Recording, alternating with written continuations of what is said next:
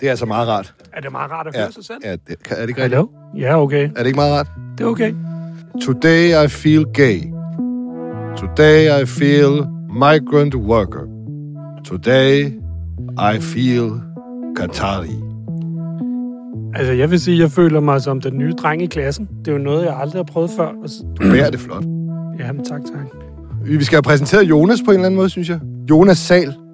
Altså, endelig, endelig er du her, Jonas. Hvad handler den her podcast egentlig om? Politikere, som ikke stiller op og som ikke svarer på noget. Når de andre stopper, så fortsætter vi. Den vind, der blæser hatten af dem. Det er for os selv højtidligt. Du er ikke uden humor, for jeg var klart. Prøv at høre, det der var jeg ikke særlig begejstret for. Det er et irrelevant spørgsmål. Vi har hørt alt. Vi har set alt. De kan ikke snyde os. Du lytter til podcasten Ingen Kommentarer. Jonas Sal, du er den eneste mand, i hvert fald på, øh, på øh, podcast-siden, der har været på arbejde i den her uge. Så vidt jeg har forstået. Jeg har været væk. Miles har rigtig rigeligt at lave. Og, og Emma har også været væk. Men du, heldigvis har du været ved tastaturet hele ugen. Så nu, øh, nu skal vi vide, synes jeg, alt om regeringsforhandlingerne. Hvordan går det? For vi har jo, vi har jo tidligere talt om, at S og V, det tegner sig jo et klart billede af, at de prøver at finde ud af noget. Men der er jo også andre partier, der spiller med. Og, og i går var, var Lars Lykke, havde han meldt sin ankomst til Lipot på TV2 News, og det første, jeg tænkte, da jeg hørte det, det var, nå, så er han ude. Så er han færdig i de regeringsforhandlinger. Men, men det ved jeg ikke helt, om man kunne greje af ham. Jeg, jeg så du det egentlig efter fodboldkampen, hvis man kunne koncentrere sig om noget efter fodboldkampen, så... Jeg kunne ikke koncentrere mig om noget efter den fodboldkamp. Jeg var edderspændt rasende. Og jeg tænker bare på, hvis han havde været formand for et politisk parti, Morten, Ju- øh, Morten Julemand. Morten Julemand. ja, hvad fanden? Morten Kasper, Hjulmand Olsen. Kasper Julemand. Ja, men altså, så var vi jo allerede i gang med at finde ud af, hvem der skulle være hans afløser og sådan noget. Men åbenbart ikke i DBU. Der er det jo simpelthen bare... øh, Nu ser vi videre mod nye mål, og jeg, var, jeg var ved at dø der, da der var en uh, direktør på i TV-avisen. Okay, i den fodboldkamp. Den episke røvtur. Ja, det er nemlig Uh, en det, episk det, prøvetur. er bare, det sidste, jeg så, inden jeg slukkede for fjernsynet, det var Christian Eriksen, der sagde, at vi har ikke ramt topniveauet. Så slukkede jeg kraftedet. det gjorde simpelthen for meget. Jamen altså, det, de siger jo nogle ting, som hvis der var nogle politikere, der sagde det efter en valgkamp, hvor man tænker, det, det vil trods alt politikere ikke kunne få sig selv til at sige. Bortset fra Pape. Måske babe. Men der, Pape kunne have sagt noget lignende. Jeg ramte ikke topniveauet. ah, det, der må jeg bare sige. Men øhm, altså, Så- det, så jeg du- lag, det jeg så hvad? Så du, så du lykke bagefter? Ja, det var det, jeg skulle til at, Ja. ja. øh, for at tale lidt politik. Altså, øh, nej, jeg så ikke Libert, men jeg så ham stå uden foran øh, den her port, den her sikkerhedsport, sådan en meget tung port, som kun kan åbnes af PET, øh, og sige, altså ret vildt, synes jeg, at øh, han behøves ikke være en del af en kommende regering. Altså, jeg må bare minde om, det er 10 dage siden, han var i Berlin, skal advare mod, at ja. nærmest, hvis I ikke tager med, med, så smadrer jeg det hele. Ja. Eller et eller andet. Altså, Ja, ja, og sådan, altså- men nu, nu er det faktisk ikke så vigtigt alligevel. vigtigt alligevel. En ydmyg lykke, det, det er særsyn. Ja. Så er der sket noget. Så, så er han nok ude. Det, det lugter rigtig meget af, og det kan man jo så, hvis vi skal gå videre til det sådan lidt mere seriøse. Det lugter rigtig meget af, at Venstre og Socialdemokratiet er gået i sådan en eller anden form for... Øh, de er gået ind i... Øh, jeg får et billede af sådan en campingtelt, hvor lynlåsen bliver lukket ned, og man kan se lommelygterne derinde, og, øh, og de er altså de er ved at aftale noget. Det er ligesom de to, øh, som prøver at blande noget blod og finde ud af, kan de møde hinanden. Og når man taler med kilderne, så er de stadigvæk sådan meget forsigtige og sådan noget, men der sker alligevel noget i retorikken, øh, og det, jeg synes, det lugter rigtig meget af, at de faktisk der sker nogle ting. Præcis hvad der sker, men der sker nogle ting. Og øhm, nu ved jeg, at vi har, skal tale lidt om kameler og sådan noget, ja. ikke? Ja. Og, jeg, og jeg tror, der er nogen, der er klar til at, at lave nogle af de der bevægelser, som der skal til. Men inden vi kommer til det, som vi vil godt kan kalde DM i kamelslutning, som venter forude, øh, hvis det her skal kunne lade sig gøre. Vi kan jo vælge nogle af de kameler, der skal sluges, men inden vi kommer til det, altså øh, lad os blive i billedet med teltduen og de der lygter, der fægter rundt inde i, i, i teltet, mens Lykke står ude i regnen og siger, jeg gider egentlig måske heller ikke rigtig at gå derind. Jeg gad slet ikke den leg. Nej, det, det gider jeg slet ikke. Det handler jo om noget, og ikke om nogen. Øh, øh, men, men så er der jo... Øh, de, tilbage er så de radikale og SF og de konservative. Jeg det er vel tror- dem, jeg- der er tilbage. Ja, jeg, jeg troede i lang tid, at Socialdemokratiet ville prøve at få den helt store hævn ved at lade Martin Lidegaard og hans øh, øh, øh, armfægtende... Håndsoprækkende. Håndsoprækkende, præcis, øhm, øh, partifælder stå ude i regnen der, mens at øh, de sidder inde i teltet og hyggede sig. Mm. Jeg synes, der, det lyder som om, at Martin Lidegaard på en eller anden måde får lov at være med. Okay. Kan vi komme det nærmere?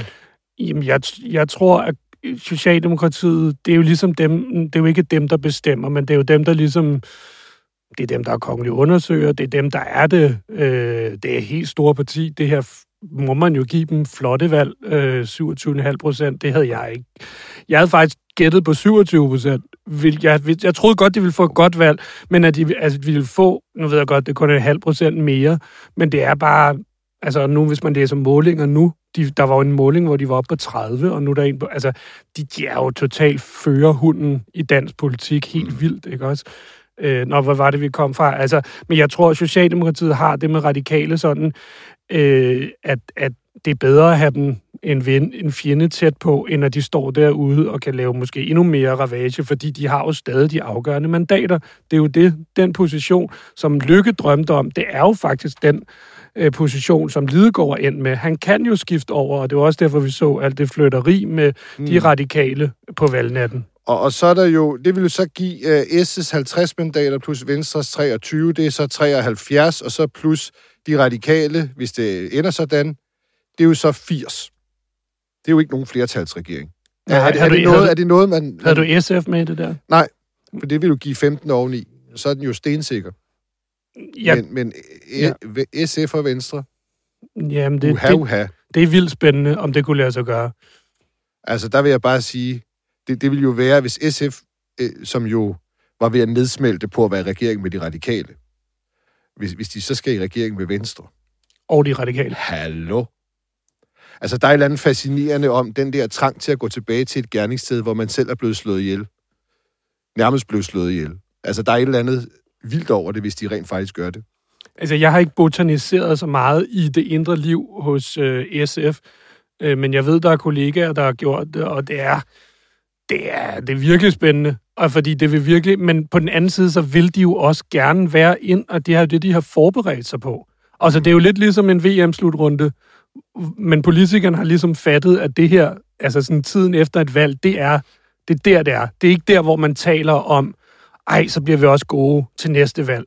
Altså politikere, de siger nogle gange, de ser flere valg ud i fremtiden, men det gør de ikke. Nej. Der er lige nu øh, en sådan hård øh, streg i sandet, der er blevet trukket, og nu skal man finde ud af, fordi kan, kan, nu har man brugt øh, fire år, otte år siden alt det med, med, med, øh, med Søvndal, Mm. på at gøre sig klar til det her. Mm, Det er jo ikke sikkert, at den situation er der igen om tre eller fire år. Altså, så, så hvis det skal ske på et eller andet tidspunkt, så er der en mulighed nu. Altså, SF er jo lidt i en situation, hvor de selv kan vælge, om de vil sluge nogle kameler, og så gøre det der, som de har drømt om at komme tilbage. I hvert fald Pia Olsen Dyr har, ikke? Men, men det, de gjorde sig klar til, det var vel en form for rød regering. Altså med de radikale. Det var vel det, de gjorde sig klar til. De har vel ikke forberedt partiapparatet på at sidde med Jacob Ellemann og lave spændende skattelettelser for de rigeste. Nej, det, det har, Det har de vel ikke forberedt sig det, har, på. det har de ikke forberedt sig på, men, men der er vel også, må man tro, en eller anden realisme i SF omkring, at det jo sådan, valgets tale var. Mm. Øh, så det er der, jeg tror, at det, det, altså, de bliver også nødt... De, altså, de, man får jo aldrig et, et skakbræt, der bare står helt perfekt, og så er det klar til skak mat. Nej. Øh, men må jeg ikke lige sige en anden ting, fordi vi taler jo om de radikale. Og der må jeg bare sige, at jeg sidder jo i studiet med en mand, øh, Brian, som begik en genialitet den dag der, hvor du, sådan, jeg ved ikke, hvor det kom fra, at du lige pludselig bad de radikale om, op med hånden, dem, der mener, det stadig er et ultimativt krav. Og hvor hele den radikale folketingsgruppe, minus Sofie Carsten Nielsen, der ikke lige var der, Ja. Øh, rakt hænderne op. Nogle af dem stod og viftede med dem. Ja, der var en lille helikopter, tror jeg, der var på en af hænderne. Sådan Øh, en så rund- Mia rundgang. Navar svingede rundt med den. det var, Og det skal ikke være nogen hemmelighed, at jeg har set det klip mindst 25 gange. Det er et fantastisk klip. Men det, får, jeg får lyst til at nævne det, det er, fordi vi lige talte om de radikale, det har faktisk betydet noget, har jeg for, når jeg taler med folk. Altså, fordi det er sådan noget, der gør socialdemokrater æderspændt bange, simpelthen. For, altså, hvordan kan de finde på at stå og deltage i en håndsoprækning midt i et, på et tidspunkt, hvor det er vildt følsomt, og man skal prøve at finde tillid hos hinanden? Altså, det, det er sådan en... Altså, hvad kan de radikale ikke finde på? har de jo ligesom sagt i lang tid, også før valget og sådan noget, og tilliden har været helt væk. Og nu tænker man, okay, nu var Martin Lidegaard så kommet til, okay, nu bliver de måske øh, lidt mere medgørlige. Og så gør de det der, der er altså, altså det der er altså flere, hvor man taler med folk, hvor det der er sådan et billede på, hvad foregår der hos de radikale, ikke? Jo. Ja, jeg var også meget over... Altså, jeg var, jeg, var, jeg var ret overrasket over, at de rent faktisk rakte hænderne op. Jeg havde en idé om, at Sina Stampe ville gøre det. Og så tænkte jeg, hvis hun gør det, så hvad gør de andre så? Men noget, du har uh, tænkt særlig meget? Ja, jeg, jeg, jeg, jeg, jeg, jeg, jeg nåede ikke at tænke så meget. Det var egentlig, kom på en irritation over, at de snakkede sort. Øh, og nu var der jo rullende kameraer, så, så er en håndsoprækning jo altid øh, god. Øh, men jeg havde en fornemmelse af, at Signe Stampe ville gøre det. Det, det, var, det var et eller andet, jeg, jeg tænkte, hun ville gøre det. Og så tænker jeg, skal vide, hvad der så sker. Men så skete der det der. Men han kom også ned til mig, jeg tror, det var et par dage senere, Martin Lidegaard nede i snapstikket, så kom han over sådan, åh, den håndsoprækning der, det var sgu... jeg kan ikke huske, hvad ordet faldt, men han sagde til mig, det var, det var sgu irriterende. så, øh, så siger jeg, ja, det, Jamen, det skal en ting, I nok ikke gøre. Ikke? Min, min pointe med at bare lige nævne det, det er jo ikke for at sidde og, og, og bare sådan være en fedterøv. Det er mere bare, at det rent faktisk har haft en eller anden bety- haft det noget folk, ta- altså sådan, det er noget, man virkelig sådan, altså taler om, hvad, altså måske især i Socialdemokratiet, altså ja, det, Ja. det var pointen med det. er Og jeg tror faktisk, det, Over for de radikale. Ja, men også sådan, det handler jo også om, altså det er jo også sådan noget frygtelig politikersnak, men det er jo sådan et tidspunkt, hvor de prøver at finde ud af, hvad kan vi egentlig, hvordan kan, kan det handler om tillid, og, og så sker så noget, og ikke? beregnelighed. Og det var ikke, det var, det var ikke udtryk for særlig stor beregnelighed. Hvad med de, hvad med de konservative? Fordi at, øh, nu kommer vi det her, det er en glidende overgang til DM i kamelslugning, men øh, hvad med de konservative? De har jo blødt noget op, synes jeg, man kan, man kan fornemme øh, på Pape, fra at det var en blank, blank afvisning af at være med i regeringen med Socialdemokratiet overhovedet til nu at være noget, man jo alligevel... Ja, nu ser vi på det. Jamen helt konkret, så kom han jo ud fra, det var en forhandling, der havde været i statsministeriet øh, den dag. Det skifter jo lidt mellem statsministeriet og Marienborg. Og, og der kom han jo ud lige pludselig og var, jeg kan ikke huske, hvordan ordene faldt, men han, han var lige pludselig sådan i, i meget mere åben over for det der projekt. Og, og det, der er ved det, det er, at Søren Pape vil rigtig gerne, at det er, man forstår. Altså det kan på en eller anden måde blive hans comeback efter alt det alt det, øh, alt hul om hej omkring hans øh, partner og jødedom og alt det, der simpelthen gjorde, de fik et elendigt øh, resultat. Og det, det tror jeg, og ind, men internt er måske nogle af de yngre konservative, der mere tiltrukket af den her tanke om at kunne stå udenfor, især hvis Venstre er indenfor, og så kunne samle nogle vrede borgerlige stemmer op. Altså fortsætte den øvelse med at optimere i blokken, som konservative øh, har dyrket til en grad, hvor, det jo, hvor de jo glemte, at de faktisk havde en statsministerkandidat på et tidspunkt, fordi de havde tunet sig så meget ind på den. Ja, men det vil selvfølgelig være, det vil selvfølgelig være, øh, hvis de konservative går ind i regeringen, så skal der nok være en vælger eller to, der tænker, det der, det gør Pape for at redde sin egen røv. Jamen, må jeg ikke lige forklare det, øh, søde Brian, ikke? Fordi jeg har kæmpe tiltro til både dit intellekt og også vælgernes. Og nu går vi over til øh, kamelslugningsmesterskaberne. Og vi kan jo lige så godt tage Pape først, fordi Pape var jo, og det er jo så sent som grundlovsdag, det var der Mette Frederiksen i sin grundlovstale første gang, og lige pludselig taler om, at hun vil have en bred regering. Det åbner hun jo der. Og det, det forholder Søren Pape sig jo så til den dag, og det gør han så, at du ved, så kommer journalisterne og spørger Søren Pape, hvad med sådan en bred regering, kunne det være noget for dig? Så svarer han, altså, er der nogen, der kan forestille sig en, mig i en regering med Socialdemokratiet? Nej. Tak, men nej tak, siger han så, ikke?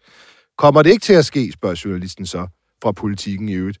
Nej, det kommer ikke til at ske. Jeg kommer ikke til at gå i regering med Socialdemokratiet og SF. Det kan jeg slet, slet, slet ikke se for mig. Hvorfor skulle vi dog det? Det er to helt forskellige retninger. Det var jo, det er jo kamel nummer et, som Pape skal sluge. det, og æde den der. Det var jo den blankeste afvisning, du kan forestille dig. Den skal han jo så forklare. Den bliver svær. Ja. Ellemann har det jo i forvejen svært, fordi han ikke stoler på Mette Frederiksen, kunne vi forstå. Den skal han forklare. Pape skal forklare, at han aldrig, aldrig ville i regering med Socialdemokratiet. Ja, alternativet er at skulle forklare at stå udenfor, mens at der er et tog, der kører, ikke? Jo. Altså, Men ja, det er jo morsomt. Det er Morten Skærbæk fra Politikken. Han har en, en, øh, en evne til nogle gange at skrive sin... Øh, han skriver sådan, det gør vi også tit på Ekstrabladet, men skriver altså spørgsmål-svar ud, så det bliver nærmest sådan et manuskript, Ja. som man så senere kan opføre sig flot, som du lige har gjort. Vi kan godt... Og det er jo fedt, fordi man kan virkelig høre tone... Altså, man kan lige... Socialdemokratiet! Hallo! Ja, tak og nej tak. Og dog. Morten Skærbæks interview er jo, er, jo, er jo som de der gode flasker vin. Det har jeg lagt mærke til. Når man skal tilbage i citatbrønden, så er det tit, hans interview dukker op. De bliver bedre med tiden. Øh, der er jo også et andet interview, der er blevet godt med tiden. Øh, det er øh, øh, Socialdemokratiet. De skal også sluge mange kameler. Det er helt sikkert. Øh, der bliver jo snakket, selvfølgelig bliver der snakket topskat, øh, når de nu sidder inde i teltet og fægter med lygterne. Øh, så bliver der selvfølgelig snakket om skat.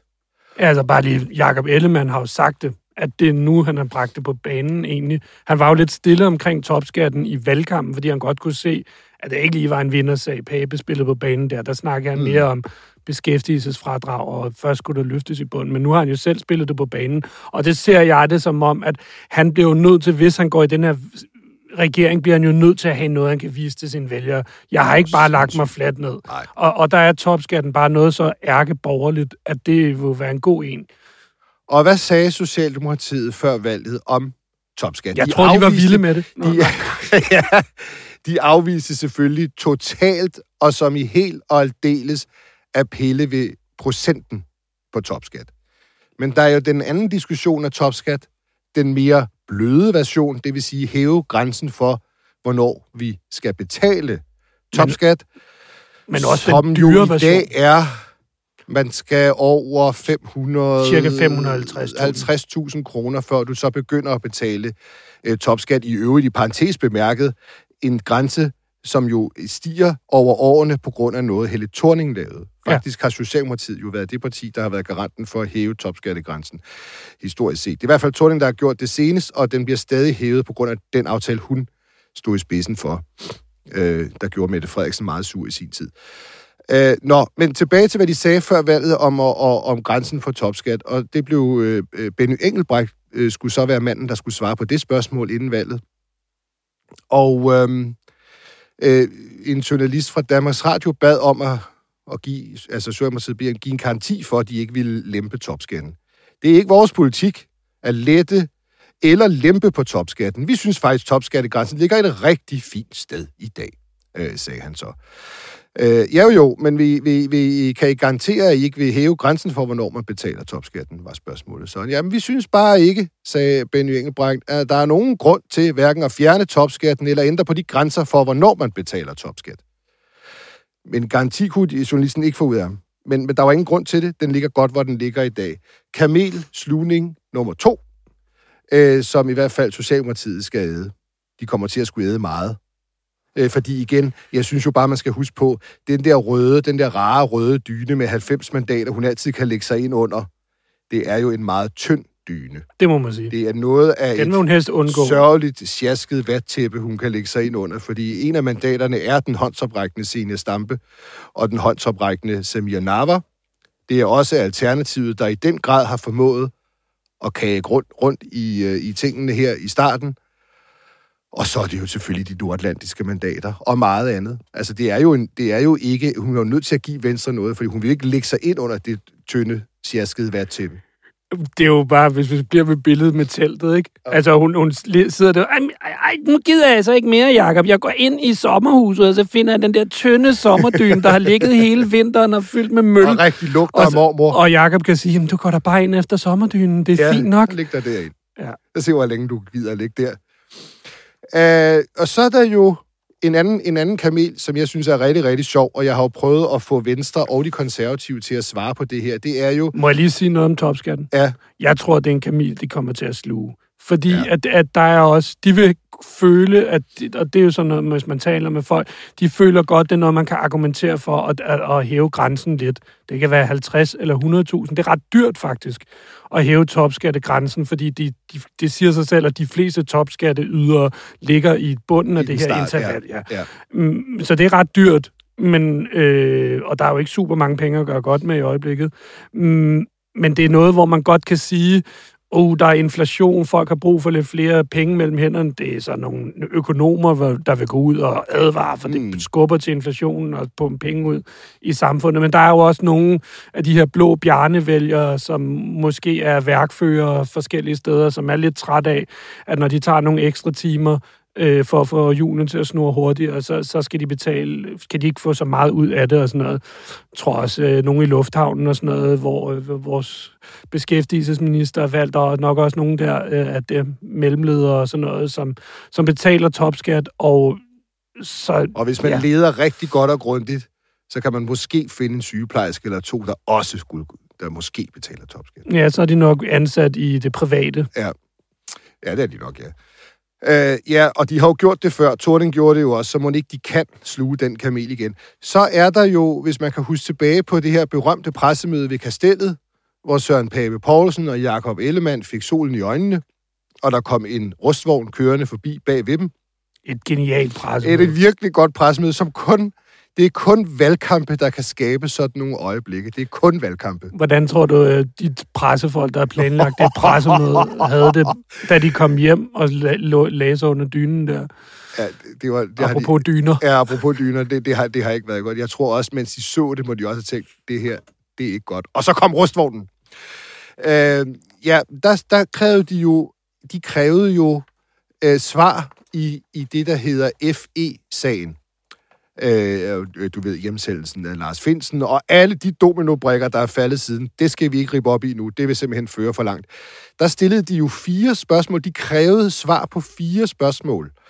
Øh, og så krævede de en undersøgelse, der skulle undersøge tre øh, ting. Hele forløbet om hjemsættelsen skulle undersøges, og omstændighederne omkring den pressemeddelelse, der startede hele sagen osv. Så, videre.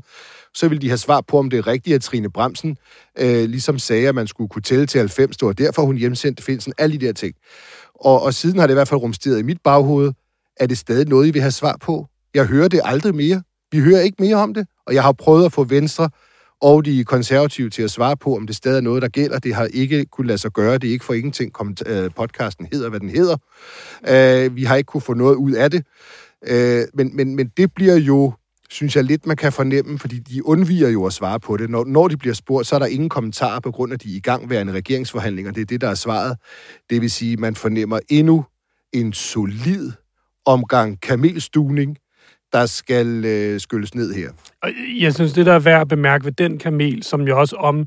Jeg ved godt, at uh, FE-sagen er overhovedet ikke det samme som hele Mink-sagen, men det er også den her advokatundersøgelse, som Venstre også har krøbet lidt ned for uh, træet fra formuleringerne. Der var en artikel i Jyllandsposten, Ja, hvor at det blev lidt, hvor der lige pludselig tror, det var skal, der blev udskiftet med kan. Ja. Øh, og øh, altså, der kan komme helst. Der Ikke kan også? komme en Så den er han også ved. Og jeg synes, det der er værd at bemærke ved det, det var jo ikke en valgkamp, hvor vi så det ene konkrete politiske udspil fra Venstre efter det andet. Det var en valgkamp, der handlede om det her med at så mistillid. Altså, som mm-hmm. du selv har nævnt, at øh, Ellemann var ude og sige det, at han ikke havde tillid til statsministeren. Og det.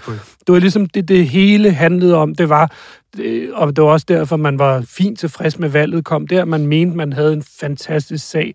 Men vi så jo, at det faldt meget. Altså, der var en lille by i Nordjylland, hvor der man dyrkede mink, hvor halvdelen af dem havde stemt på Socialdemokratiet. Og, mm. og derfor var det en valgkamp, hvor det var det, hvis de skal til at æde det, hvad er det for et mandat, Venstre har? De har jo, de har jo heller ikke nogen ting, når de går ind til de her... Øh, jeg har svært ved at se fra valgkampen, hvad var de ude at sige i valgkampen, som de virkelig gerne nu skal vinde? Det er jo ret svært for dem, og altså, når vi skal spørge dem, så man kan jo, det er jo meget symptomatisk, at han bliver nødt til at opfinde topskatten. Noget, som det var, ikke var ham, der talte om i ja. valgkampen. Den talte er han fordi, faktisk ned. Han har ikke en bakke med, med, med, med ting, som alle ved, at, øh, at, at Venstre vil have. Fordi mm. det, det, der var ikke særlig meget politik i valgkampen. Og det, de så havde, det var en masse mi- mistillid til statsministeren og elendigt, ja. Og det, det bakker de så også nu på. Og det, det synes jeg skulle lidt i afdelen af pinligt. Ja, ja det, det, det, det, det var måske, fordi de har erkendt, at, at, det var et meget tyndt finblad. I hvert fald var vælgerne ret ligeglade. Det er jo det, de, Øh, de, de, de kan jo også godt ligeglade. læse aviser og Ja. se af valgets tale, at det ikke var noget, der bet- betød så meget, som de havde håbet. Så det er jo klart nok, at de bliver nødt til at bakke på det, fordi ja, ellers vil det måske blive endnu mere komisk. Mm, Og de vil jo gerne i regering, men det er bare... Det bliver, det bliver virkelig morsomt, når de nu... Hvis det er, det ender med en bred regering. Øh, De kørte så hårdt på hendes personlighed. Altså, hun er... Hun er hun, man, er ikke til at, man kan ikke stole på Mette Frederiksen. Nej, det, Det er jo meget... vildt, og, og, og, og, og nu skal, hvis det så ender sådan, så kommer de jo til at sidde med hende som chef, med Barbara Bertelsen, vil jeg godt våge at påstå, Uh. som departementschef, og øh, alt det der bliver jo simpelthen så komisk. Altså, det bliver, jo, det bliver jo vanvittigt. Jeg har helt glemt Barbara Det er- Bertelsen. Det, det, er jo det- hende, der, det er jo hende, der nu, når de sidder og forhandler, der er det hun jo den, selvfølgelig ud over Mette Frederiksen, den totalt afgørende figur. Ja. Det er jo hende, der beder forskellige folk, vi skal lige bruge... Altså, det, det, det er hende, de sidder overfor nu. Men kan, kan du forklare mig, Jonas, fordi normalt, når man ser forhandlingsforløb, det her er jo også et forhandlingsforløb, men når man ser for eksempel finanslov, så er det jo helt almindeligt, at partier går ind og stiller sig op foran kamera, og så siger de, vi kræver det, det, det. Vi vil have sådan, sådan, sådan. Det hører man jo slet ikke her. De går jo forbi så hurtigt de kan, og, og siger egentlig ikke rigtig nogen krav. Og jeg tænker bare, hvis jeg var Mette Frederiksen, så ville jeg jo utrolig glad for, at det foregår på denne her måde. Det der med, at de ikke er offentligt ude med, at vi vil have sådan og sådan, det må eddermame betyde, at der, det går godt for Mette Frederiksen. Der er medvind på hendes cykelsti.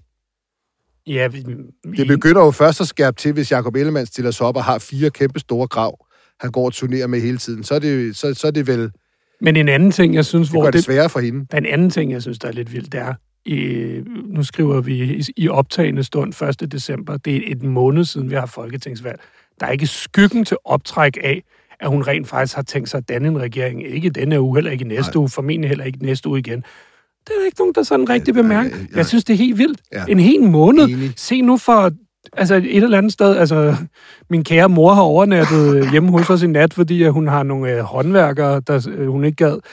Som vi, øh, hvad, hvad sker der egentlig? Hvad, hvad er det, der foregår? Fuldstændig. At, at, altså, de, vi har lige haft en valgkamp, hvor at, øh, at, at, at, at det har været krisevalgkamp i Mette Frederiksens øh, øh, retorik. Og en hel måned, og den første, de første 14 dage gik med nogle seminarer, og så sådan, hvor at alle mulige partier, som ingen har en chance for at komme ind. Undskyld, jeg siger, jeg synes, det bliver sådan lidt... Men der er ikke nogen, der stiller sig op. Jeg forstår ikke... Altså, det, det, det undrer mig, det er den kritik ikke er der. Altså, jeg, må, jeg har jo skruet ned for mig selv i den forbindelse, fordi jeg sidste, jeg var med i en podcast her for halvanden uge siden, eller det var, der, sad jeg, jo- der var jeg oppe i et rødt felt, ligesom dig. Jeg havde mistet tålmodigheden. Jeg kunne ikke holde ud og høre mere om rundbordsseminarer med partier, der aldrig skulle være med i en regering. Hun udskrev jo valget på en irritation over, at hun skulle udskrive valg, fordi der var ikke tid. Der var energikrise, der var nogle andre kriser, og der var trivselskrise, og der var øh, offentlige ansatte krise. Der var tusind kriser, og hun har ikke tid til det her lort. Men okay, når de radikale vil det, så gør jeg det.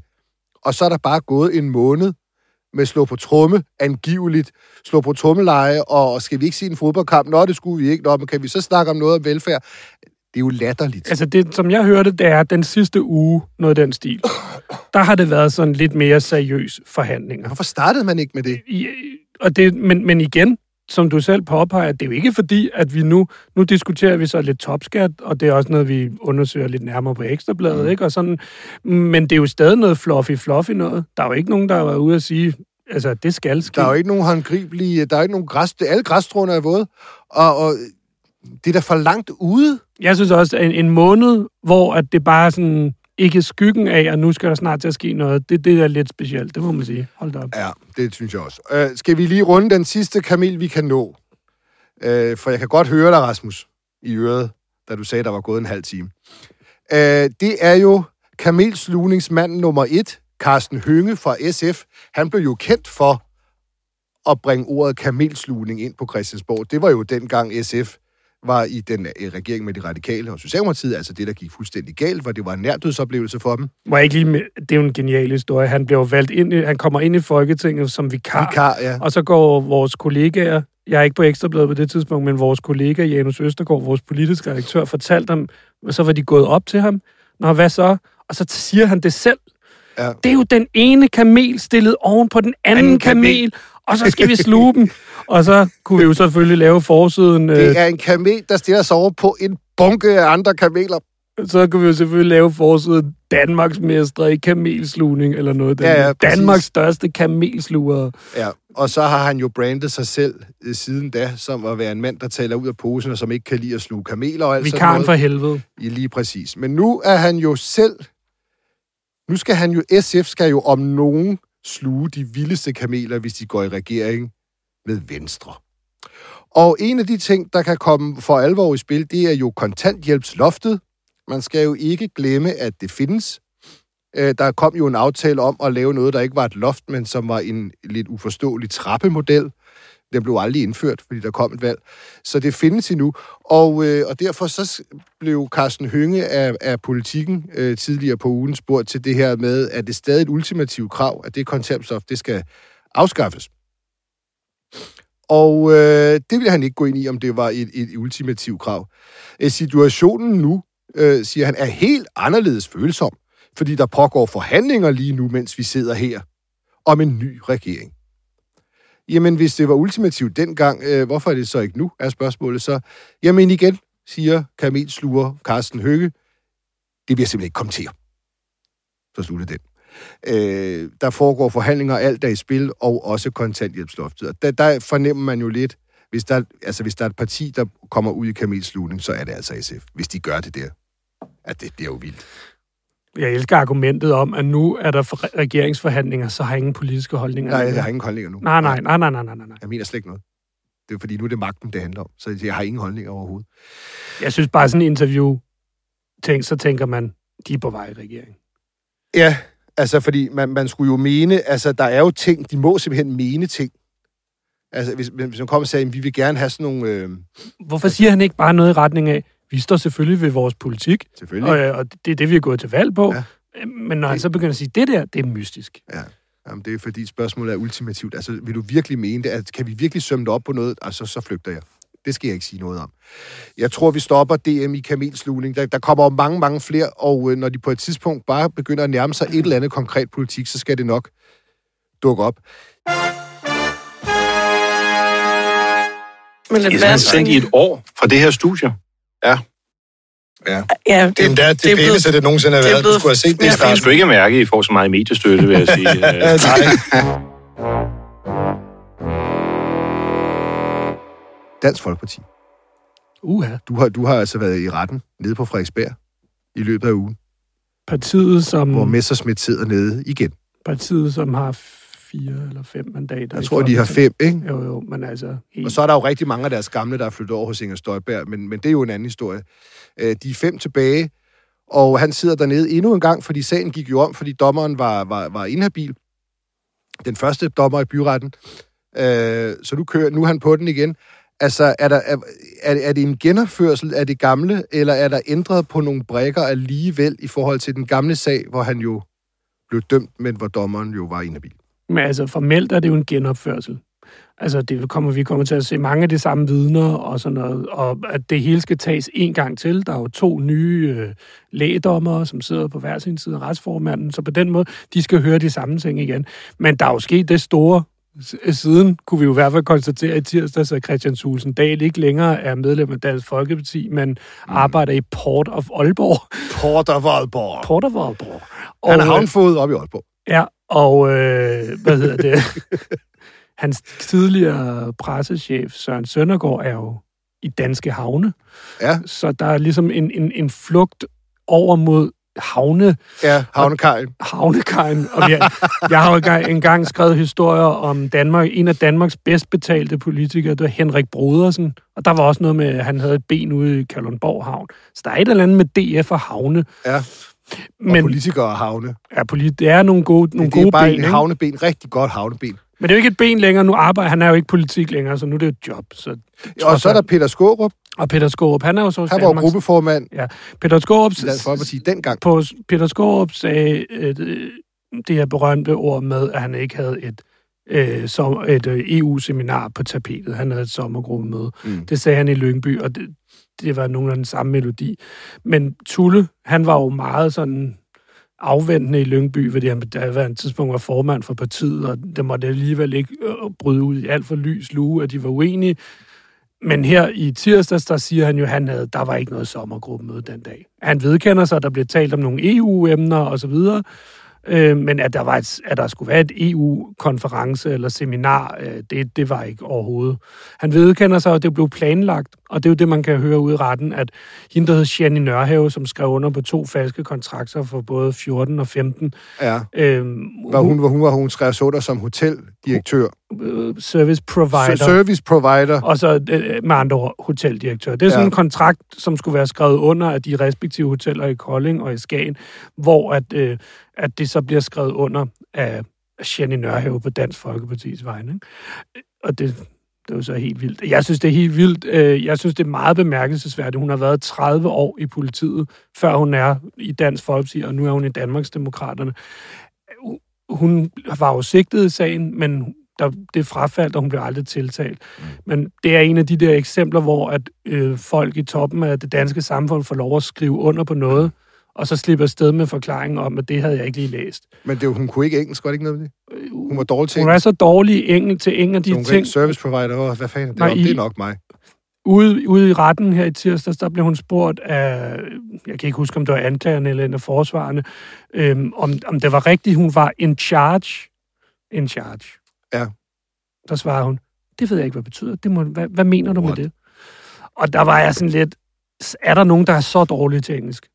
Måske. Det er i hvert fald øh, hendes forklaring, at hun er så Ja. ja. dårlig. Den, den er godt nok slem. Hun forklarede også, at hun havde været med DF i Taiwan engang. Der havde hun taget sin mand med som tolk. Øh, fordi hvis der skulle opstå noget, man skulle... Ja. Okay. Hun forklarede så også, at hun har fået specialtimer i engelsk øh, af Dansk Folkeparti, fordi hun var så elendig til det. Så ja, det er jo i hvert fald der, den ligger. Okay. Men altså, det var Christian Tulsendal, vi var ved, og han er jo virkelig... Han, han, han er jo... Ja, han strammede i den grad tommelskruerne på Morten Messerschmidt og ligesom slog fast, der var ikke noget EU-seminar den dag. Jo, der blev diskuteret EU. Det kan godt være, der blev planlagt et seminar, øh, men det faldt fra. Det kom ikke til at ske, fordi der har lige været folketingsvalg, og DF havde haft et genialt valg, og de har slet ikke tid til at sidde og snakke om EU. Øh, så indtil videre synes jeg, at det, for, at det der kommer ned til, det er, at Messerschmidt har holdt et oplæg om EU om formiddagen den tirs, tirsdag den øh, 4. august 2015 på Hotel Koller i Skagen. Der har han holdt et oplæg, det, det er der sådan enighed om. Der har måske været lidt debat bagefter, og hvor EU har været inde over, så er spørgsmålet, om det juridisk er nok til, at han fik At give 8. 198.000, ikke? Altså, det bliver sgu dyrt for os, hvis, hvis, hvis, hvis et oplæg om EU skal koste øh, 98.000 skattekroner. Vi må se, hvordan det ender. Øhm, tak for det. Og, og så bare til allersidst noget, som... Det har vi jo snakket om. Os to. Bare når vi ikke har skrevet. Ikke? Vi har ikke skrevet noget om Skam. det. Skam. Skam og Teresa Scavenius. Øh, og vi, har, vi ser måske lidt forskelligt på det. Det ved jeg ikke. Men jeg elsker det der med skam. Altså, fordi politikken bad hende jo skamme sig, hvis jeg bare lige skal tage den fra toppen. Teresa Scavenius har fløjet, jeg tror, det var 24 gange på fem år, og så har hun også haft nogle private rejser, og det skrev frihedsbrevet om. Og så sagde hun, prøv lige at høre her en gang, det kan godt være, at jeg øh, vil gå ind for, øh, at klimaet skal blive bedre, men derfor skal jeg jo ikke nødvendigvis leve som et, et, et, et, et klimadydsmønster. Jeg lever som andre lever, og så går jeg så ind for noget, klima, noget grønt klimapolitik, mens jeg lever som I andre gør, for nu at kode det helt øh, ned. Og så skrev politikken, at hun skulle skamme sig. Og jeg elsker det der skam. Der er jo- stod altså i rubrikken, skam dig, Ja.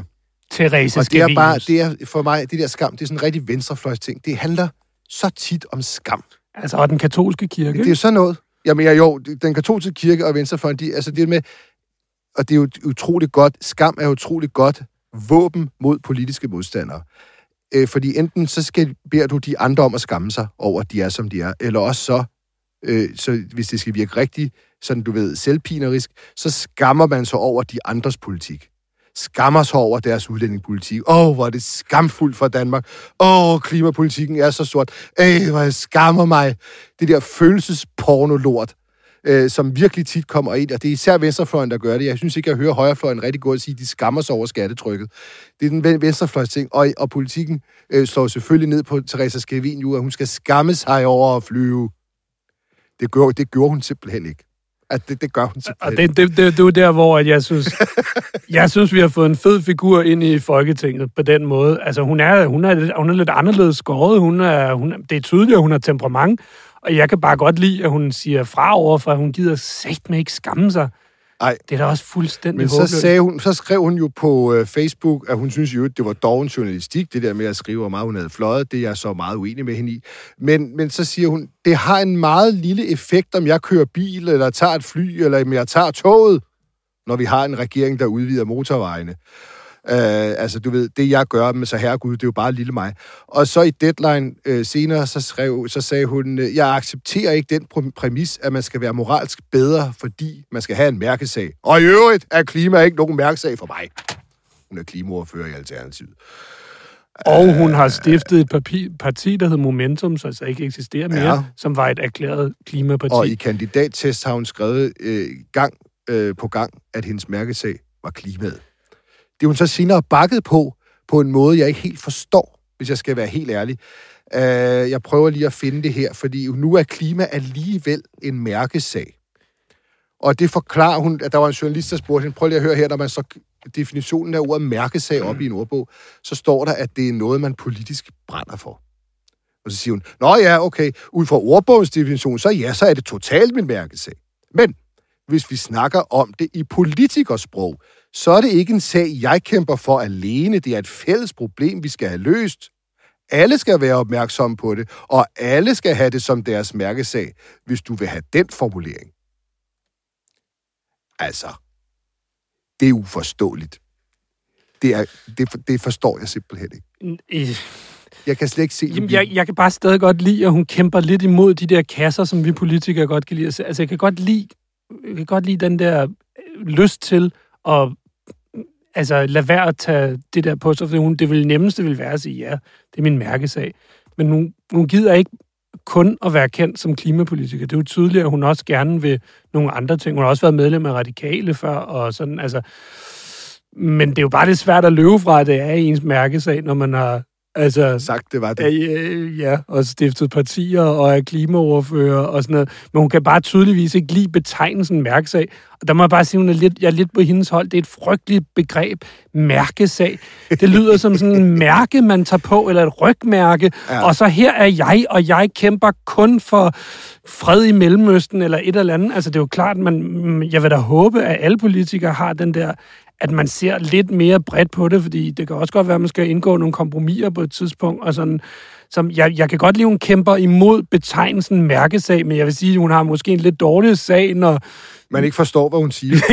ja, men, men, men er du ikke enig i mærkesag? Det er da et irriterende begreb. Altså, har Ja, du en mærkesag, Brian Weikart? Jeg, jeg tror ikke, jeg har en mærkesag, men jeg, jeg går ud fra, at politikere har mærkesager.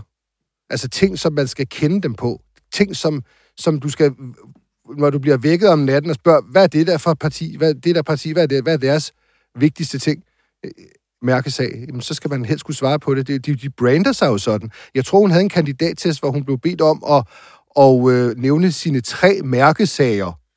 Og så nævner hun et klima, to klima og tre klima. Men det er jo igen en eller anden øh, test, der er sat op, hvor hun bliver bedt om det, så skal hun jo svare et eller andet. Ikke? Der kan jo inde i en test, der kan hun jo ikke angribe præmissen. Jeg kan ikke lide politikere uden mærkesager.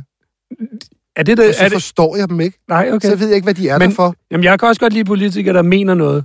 Det er det, det, det. Men det, jeg er sådan, det er mere ordet mærkesag. Det tror jeg også, det er det, hun stejler over. Ja, altså, hun, hun, hun giver, er jo akademiker, så der, Ja. man, man, man kan jo godt... Øh, Der er bare et eller andet, og der kan et eller andet sted, altså de fleste 99 ud af 100 politikere, det vil sige, alright, this, det er en del af gamet, jeg skal have en mærkesag, ja, klimaet er min mærkesag. Men hun, hun bliver pisset af over det der ord, det kan man høre, og det synes jeg er lidt sjovt, og det, også prisværdigt på en eller og, anden måde. og, og, og i hvert fald anderledes. Det, noget, som jeg i hvert fald synes er lidt... lidt det, alle kan jo godt følge hende i det her med, jeg kan jo ikke tage hele verdens klimaproblemer på mig. Jeg kan jo ikke gå til alt for at redde klimaet, for det redder jo ikke klimaet, Og at det jeg synes jeg til alt. Det, det det kan jeg jeg- godt forstå. Nej, præcis, og det er lige præcis, fordi det er folk sick and tired of. Det der med, at oh, man skal nærmest, apropos skam, hvis man en lørdag aften får lyst til at spise en bøf, fordi man skal trøste sig over, at landsholdet har været så elendigt. Altså, så det der skam, det, det, det, og det har jo været meget venstrefløj, apropos ja. gode pointe. Det er jo den der, og det synes jeg, hun som venstrefløjspolitiker kæmper imod, og det, igen, det kan godt være, at der også er et, nogle gram af hyggeleri, fordi måske kunne hun godt have valgt fra et par af de der flyrejser fra, men er det nu stort nok til en historie? Det kan man diskutere. Men hun kæmper imod det der skam, skamsamfund på, mm. i klimadebatten, og det kan jeg meget godt lide, at, at der er nogen, der gør, og ikke bare sådan... Men, men altså, hvis man fordobler den lidt op fra øh, ikke at være en forgangsmand til at være forgangsland. Altså Alternativet og andre øh, meget grønne partier vil jo gerne have, at Danmark er et foregangsland, selvom Danmarks udledning af CO2 er minimal på verdensplan, og det betyder egentlig ikke noget, hvad vi gør som land. Det er Kina og Indien, det er USA, det er Brasilien, det er alle de der lande, det egentlig handler om. Men alligevel er det vigtigt for partier som Alternativet, at Danmark trods alt viser flaget, viser vejen, går foran og er et forgangsland, så kan man vel også forvente, at deres klimaordfører personligt også gerne være en forgangs i gåseøjne mand, en forgangsperson, øh, som, som viser vejen for andre, selvom det jo ikke rigtig betyder noget, hvad, hvad lille Therese Skavenhus går og laver. Det giver jo ikke mening. Det giver jo ikke mening, at hun ikke vil være en forgangsperson, der siger, prøv at se her, sådan tager man toget til Bornholm, hvis det er der, man skal hen. Eller, eller det, det, det, det kan da ikke være... Men der er jo bare den der øh, ved ikke, hvor meget lang her vi skal tage os på det, men hun insisterer jo på, at hun selv også tit tager toget, og kan man konkludere, at hun ikke tager toget, hvis hun har fløjet i gennemsnit fem gange om året. Det synes jeg, med den hårde konklusion kan man jo nok ikke vi rigtig kan altid diskutere, om historien, om det var mange flyvninger. Det tror jeg, man kan diskutere herfra til evigheden. Jeg synes bare, jeg har ikke set listen. Jeg synes bare, øh, jeg synes bare at udsagnet om, at man, skal, man ikke skal være moralsk bedre, fordi man har en, en mærkesag, den forstår jeg ikke. Øh, tænk, hvis Socialdemokratiet også bare var ligeglad med, hvor de spiste frokost derhen, om der var overenskomst. Eller om Peter Hummelgaard var ligeglad med, om han fløj med lavprisselskab til Rumænien, når han skulle se fodbold. Det var han jo så i det tilfælde, men det fik han ned med mig også lov at høre for. Der, der skal jo være en vis sammenhæng. Der skal være en eller anden... Uden du skal være... Vi kan, de kan ikke alle sammen være Gandhi. Men, men der må der være en eller anden sammenhæng, hvor de viser, sådan her kan man også godt leve, uden at vi alle sammen lider nød. Hun får det til at lyde, som om man lider nød, hvis du skal rent faktisk skal leve efter det der grønne paradigmer, de vil indføre for os alle sammen.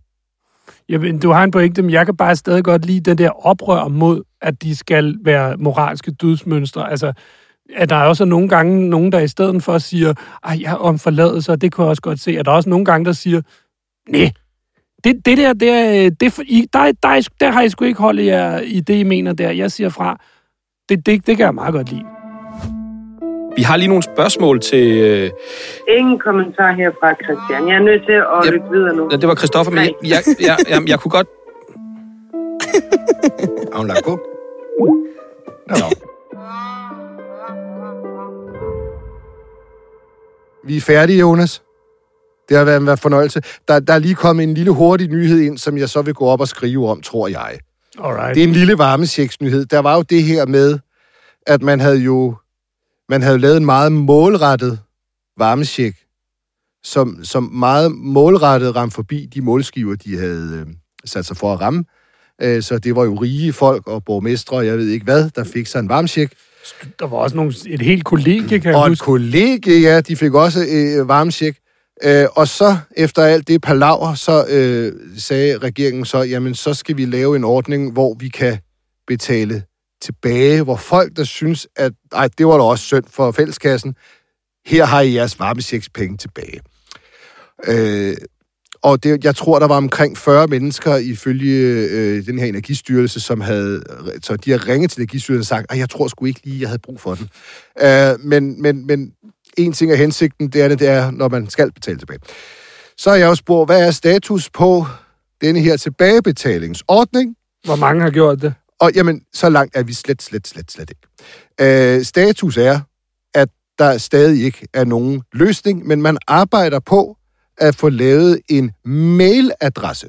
En, en mailadresse, hvor man så kan skrive til mailadressen, øh, og det bliver sådan en generelt ting. Det er ikke kun til varmesjek, det er generelt, hvis du vil give staten penge, hvis du vil betale penge til staten, så kan du skrive til den mailadresse, og så kan du få tilsendt en faktura, og så kan du så betale penge til statskassen. Det bliver understreget i svaret her, at det er en generel løsning. Så det er som sagt i forhold til alt muligt. Hvis du synes, helt ærligt, det er sgu, jeg, har- jeg har for meget. Uh, det er den løsning, man arbejder på, fordi det er en bunden opgave, at omkostningerne bliver mindre end 6.000 kroner per indbetaling, altså i inklusiv sagsbehandlingstid. 6.000 kroner var jo varmesjekken. Så det er en bunden opgave. Den løsning, de finder, skal være billigere end 6.000 kroner per sagsbehandling.